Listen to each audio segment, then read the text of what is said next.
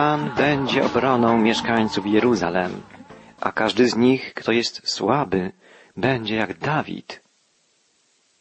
Te niezwykłe słowa, zapisane w ósmym wierszu dwunastego rozdziału Księgi Zachariasza, zapowiadają, że w czasach ostatecznych Bóg będzie chronił Jerozolimę przed atakami wszelkich wrogów, a mieszkańcy tego miasta będą cechować się dzielnością, odwagą, walecznością i siłą, równą przykładowi Dawida. Możemy sobie wyobrazić armię, w której wszyscy żołnierze będą tak waleczni i dzielni jak Dawid. Ten niezwykle utalentowany król i poeta izraelski był jednocześnie wielkim wodzem i wielkim wojownikiem. Zachariasz prorokuje, że w czasach końca każdy mieszkaniec Jerozolimy, nawet najsłabszy, będzie podobny do Dawida. Będzie tak dlatego, że sam Pan będzie ich wzmacniał, sam Bóg będzie, jak woła prorok, obroną mieszkańców Jerozolimy. Zapowiedź ta kieruje nasz wzrok ku czasom ostatecznym. Zachariasz zapowiada w imieniu Pana. W owym dniu sprawię, że wszystkie ludy, które targnęły się na Jeruzalem, będą zniszczone. Tak stanie się w końcowym okresie dziejów, w czasach ostatecznych, eschatologicznych. Ale musimy zwrócić uwagę na fakt, że w dużym stopniu już w dobie obecnej, podobnie jak na przestrzeni historii, Pan niejednokrotnie dawał dowody swej troski o Jerozolimę. Mówiliśmy w czasie poprzedniej audycji o tym, jak wiele mocarstw w starożytności i w erze nowożytnej na przestrzeni wieków i tysiącleci usiłowało zawładnąć Jerozolimą. Wszystkie te mocarstwa przeminęły. Bóg daje sygnał, ręce precz od Jerozolimy. Ja sam strzegę tego miasta. Ja sam sprawię, że będzie wolne, że będzie miastem pokoju. Ta obietnica spełni się ostatecznie w czasach mesjańskich, w czasach tysiącletniego królestwa. Ale już teraz wydarzenia związane z Jerozolimą świadczą o szczególnej ochronie, jaką Bóg otacza to miasto. Podam tu kilka przykładów z najnowszej historii. W roku 1967, przed wojną sześciodniową, Izrael był stale ostrzeliwany syryjskim ogniem artyleryjskim ze wzgórz Golan. Terroryści najeżdżali na Izrael z Syrii, z Egiptu i z Jordanii. Sąsiednie kraje arabskie, a szczególnie Egipt, posiadały potężne umocnienia militarne. Egipt skierował liczne wojsko i sprzęt wojskowy na granicę izraelsko-egipską w okolicach Synaju oraz polecił stacjonującym tam od czasu wojny z roku 1956 siłom pokojowym ONZ, aby blokowały kanał Suezki. Egipt zablokował cieśninę tirańską na Morzu Czerwonym, blokując w ten sposób skutecznie izraelski wschodni handel morski przez Eilat i zawarł układ militarny z Jordanią. W tym momencie Izrael, kierując się swoim niezbywalnym prawem obrony własnej, skierował uderzenie na Egipt, niszcząc jego siły powietrzne, zanim zdołały one podnieść się z ziemi.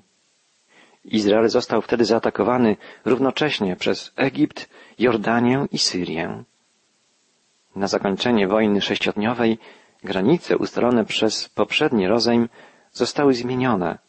W nowych granicach znalazły się zachodni brzeg, Judea i Samaria, Gaza, Półwysep Synajski i wzgórza Golan. Weszły one pod kontrolę izraelską. W 1973 roku, w święto Jom Kippur, czyli w dniu przebłagania, Syryjczycy i Egipcjanie skoordynowali niespodziewany atak przeciwko Izraelowi. Święto Jom Kippur jest najświętszym dniem w kalendarzu żydowskim. Jest to 25-godzinny okres całkowitego postu, bez jedzenia i bez wody, w czasie którego odbywają się w synagogach modlitwy, błagania, proszące o przebaczenie grzechów. Tego dnia nie wykonuje się żadnej pracy. Na drogach nie widać żadnych samochodów, Nie ogląda się telewizji, nie słucha się radia, nie używa się żadnego sprzętu. Właśnie ten dzień Syryjczycy i Egipcjanie postanowili wykorzystać na atak na Izraela.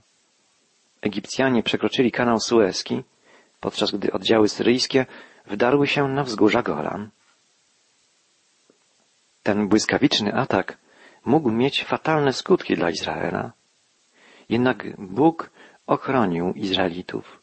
Na wzgórzach Golan dowódca dywizji czołgów, Avigdor Kalahani, zdołał powstrzymać całą armię syryjską aż do czasu, kiedy nadciągnęły posiłki.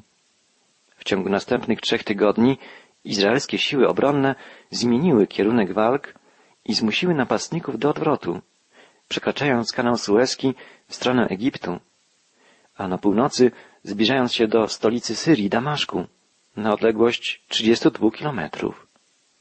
22 października wojna została zakończona. W listopadzie 1977 roku przerwane zostało permanentne odrzucanie przez Arabów izraelskich propozycji pokojowych, co zaowocowało wizytą w Jerozolimie prezydenta Egiptu Anwara Sadata. Porozumienie zostało wynegocjowane w Camp David w USA we wrześniu 1978 roku.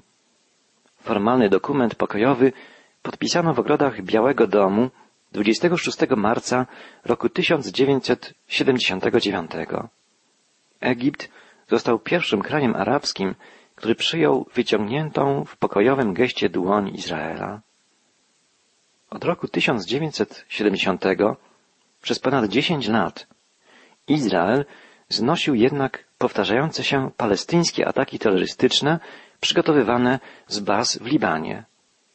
Organizacja Wyzwolenia Palestyny, zagarnąwszy część terytorium Libanu, zabijała i raniła w swych akcjach tysiące cywilów izraelskich, którzy nigdy nie wiedzieli, kiedy nadejdzie kolejny atak. W związku z tym w czerwcu roku 1982 Izrael rozpoczął kampanię o kryptonimie Operacja Pokój dla Galilei. Celem jej było usunięcie Organizacji Wyzwolenia Palestyny z Libanu i przywrócenie pokoju i bezpieczeństwa jego obywatelom. W pierwszych dniach wojny około 100 izraelskich samolotów amerykańskiej produkcji starło się w libańskiej dolinie Beka z podobną ilością syryjskich samolotów rosyjskiej produkcji typu MiG. Izrael stawił również czoła syryjskim pociskom typu ziemia-powietrze, które zadały poważne straty samolotom izraelskim w roku 1973. W ciągu jednego dnia siły izraelskie zestrzeliły 90 syryjskich migów, nie tracąc w tym czasie ani jednego samolotu. Minister rządu izraelskiego skomentował to wówczas tak. To Boży cud. Z całą pewnością Izrael powinien był stracić przynajmniej jedną maszynę ze względu na błędy mechaniczne czy też błędy człowieka. Operacja osiągnęła swoje cele w ciągu zaledwie kilku tygodni. W roku 1991 miała miejsce wojna w Zatoce Perskiej. Jak wiemy, została ona podjęta, żeby przywrócić niezależność zaatakowanemu przez Irak Kuwejtowi. Wojna ta miała również wpływ na Izrael, pomimo to, że Izrael był niezaangażowany w tę wojnę. 39 pocisków typu Skat zostało wystrzelonych na Izrael przez wojska Saddama Husajna. Miał on nadzieję, że wciągnie Izrael w tę wojnę. Powodem była zarówno jego nienawiść do Izraela, jak i podzielenie koalicji aliantów, która oprócz amerykańskich i europejskich sił posiadała członków z wielu muzułmańskich krajów arabskich. W czasie tych mrocznych dni, bojąc się broni chemicznej i biologicznej, Izrael modlił się słowami psalmu 91. Kto mieszka pod osłoną Najwyższego, kto przebywa w cieniu Wszechmocnego, ten mówi do Pana, ucieczko moja i twierdzo moja, Boże mój, któremu ufam. Piórami swymi okryje Cię i pod skrzydłami Jego znajdziesz schronienie. Nie ulękniesz się strachu nocnego, ani strzały lecącej za dnia, ani zarazy, która grasuje w ciemności. Żadna chemiczna ani biologiczna broń nie została użyta przeciwko Izraelowi. Zniszczeniu uległo jedenaście tysięcy mieszkań, ale tylko jedna osoba poniosła śmierć jako bezpośredni skutek tych zniszczeń. Wiele razy na przestrzeni historii Izrael był ukryty pod skrzydłami Pana. Wiele razy przebywał w cieniu Jego skrzydeł. Ale ta największa, najwspanialsza obrona nastąpi w czasach końca, w czasach mesjańskich. Posłuchajmy uważnie słów Zachariasza. W owym dniu Pan będzie obroną mieszkańców Jeruzalem, a każdy z nich, kto jest słaby, będzie jak Dawid, a dom Dawida jak bóstwo, jak anioł pański na ich czele. Dom Dawida będzie jak bóstwo, jak anioł pański na ich czele, mówi prorok. To słowa zapowiadające nadejście wielkiego syna Dawidowego, wybawcy, zwycięzcy z rodu Dawida. To on, Mesjasz, zapewni bezpieczeństwo Jerozolimie. To o nim opowiada Nowy Testament, który rozpoczyna się następującymi słowami rodowód Jezusa Chrystusa, syna Dawida. Dom Dawida, jak bóstwo, jak anioł pański na czele, woła Zachariasz i zapowiada, że wtedy, gdy przyjdzie w mocy i chwale, rozpozna go cały Izrael. Zachariasz prorokuje w imieniu żywego Boga. Na dom Dawida i na mieszkańców Jeruzalem wyleję ducha pobożności.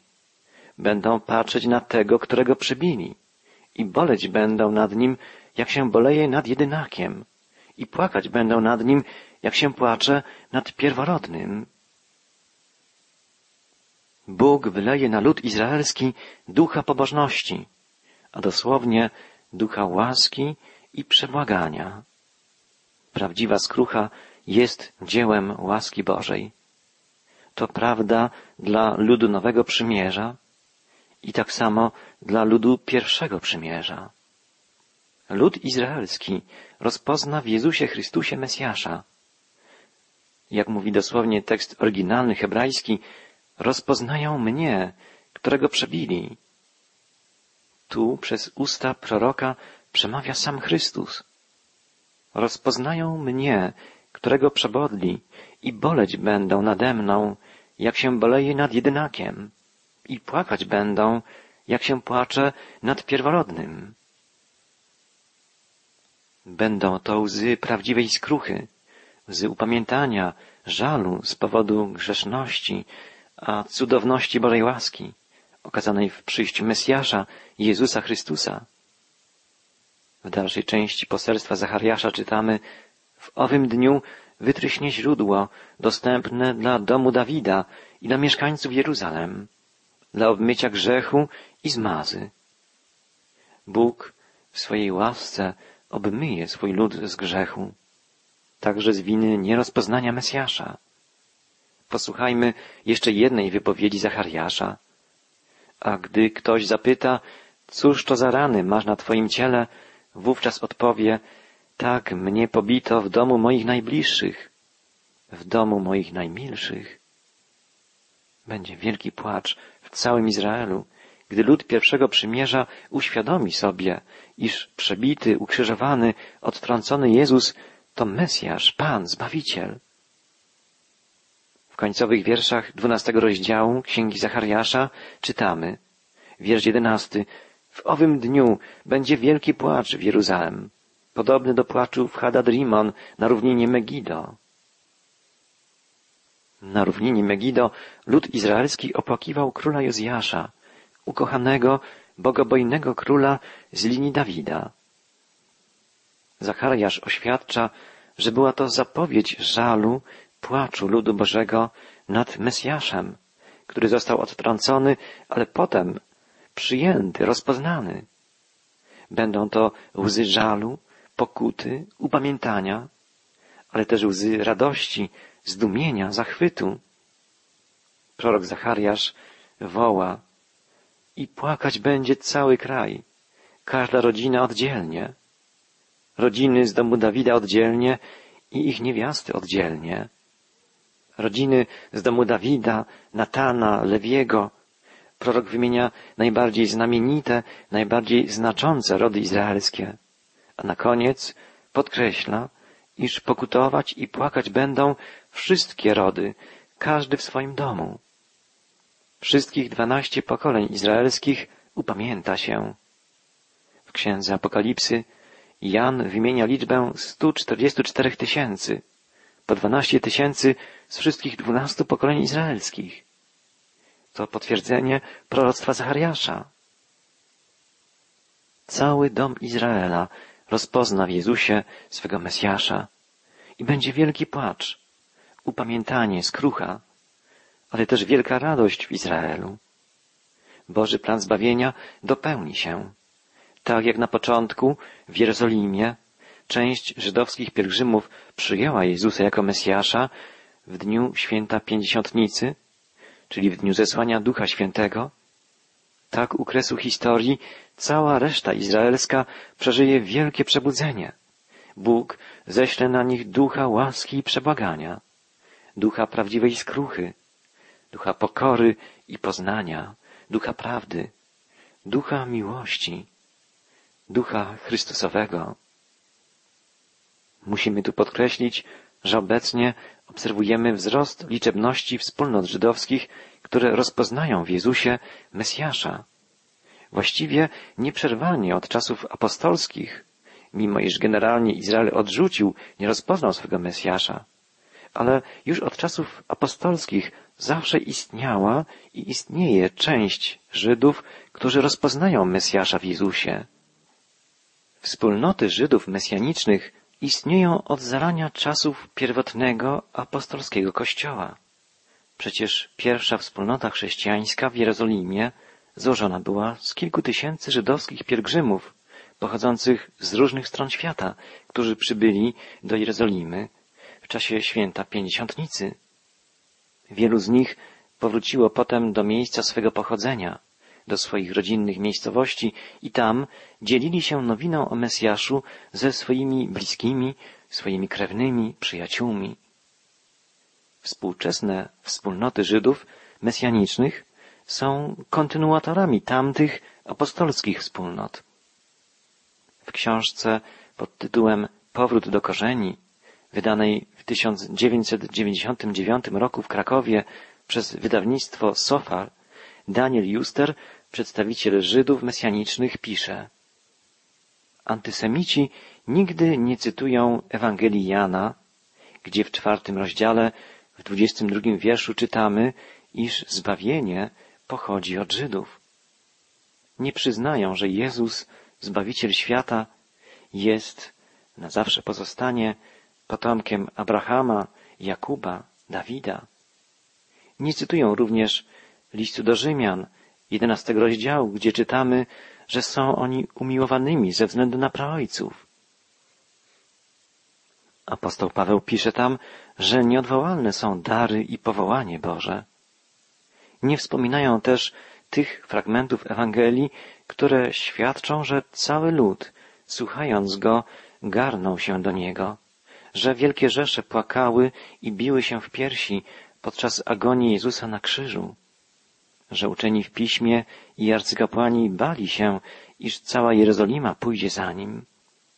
Nie pamiętają o tym, że dziesiątki tysięcy Żydów uwierzyło w Jezusa i o męczeńskiej śmierci pierwszych uczniów, którzy przecież byli Żydami. To żydowscy apostołowie rozgłosili dobrą nowinę niemal na całą Europę. Jak pisze Paweł, apostoł narodów, Kościół ma dług w stosunku do Izraela, a prawidłową biblijną reakcją powinna być w takim przypadku wdzięczność i miłość. Bo to nie ty dźwigasz korzeń, lecz korzeń ciebie, pisze apostoł w jedenastym rozdziale listu do Rzymian. Całe świadectwo Nowego Testamentu jest jednym wielkim zaprzeczeniem tez antysemityzmu. Z teologicznego punktu widzenia, podkreśla Juster, Jezus umarł na krzyżu za grzech świata według z góry powziętego planu Boga. Gwoździem, który przybił go do drewna, były grzechy każdego z nas. Nie umarł po to, żeby nas ukarać, lecz by nas uwolnić od wiecznego potępienia. Daniel Juster, przedstawiciel współczesnych Żydów mesjanicznych, podkreśla, iż Nowy Testament wyszedł spod pióra apostołów wybranych przez Jezusa. Fakt jego zmartwychwstania został potwierdzony przez nich oraz przez innych świadków, którzy zginęli śmiercią męczeńską, nie wyrzekł się tego, co widzieli na własne oczy. Wszyscy oni wywodzili się z narodu żydowskiego. Wczesny Kościół zachował i uwiarygodnił te księgi, które bez wątpienia pochodziły od apostołów, tworząc w ten sposób kanon Nowego Testamentu. Dlatego prawdą jest to, że jesteśmy zbudowani na fundamencie proroków i apostołów. Wszyscy oni byli Żydami. Jako Żydzi mesjaniczni, pisze dalej Daniel Juster, mamy ten przywilej, że możemy czerpać mądrość i wejrzenie z tradycji naszych ojców. Pismo mówi, że łaska jest Bożą ofertą niezasłużonego przebaczenia, wysuniętą do człowieka pomimo faktu, że jest on grzesznikiem i że złamał prawo. W nim, w Mesjaszu, zostaliśmy uznani za sprawiedliwych. Niezwykle istotne jest zrozumienie faktu, że Bóg widzi nas jako ludzi będących ukrytymi w Nim, w Mesjaszu. Pytanie, które musi postawić sobie dzisiaj każdy z nas, brzmi, czy ja rozpoznałem w Jezusie Chrystusie Mesjasza, Zbawiciela i Pana, Bożego Syna? Tylko On może przemienić każdego z nas, może wlać w nasze serce ducha upamiętania, skruchy, pokory. I tylko On może obdarzyć nas zbawienną łaską, pokojem, radością. Jeśli nie otwarłeś jeszcze, drogi przyjacielu, dla Niego swego serca, uczyń to teraz, a staniesz się uczestnikiem trwałego, wiecznego pokoju.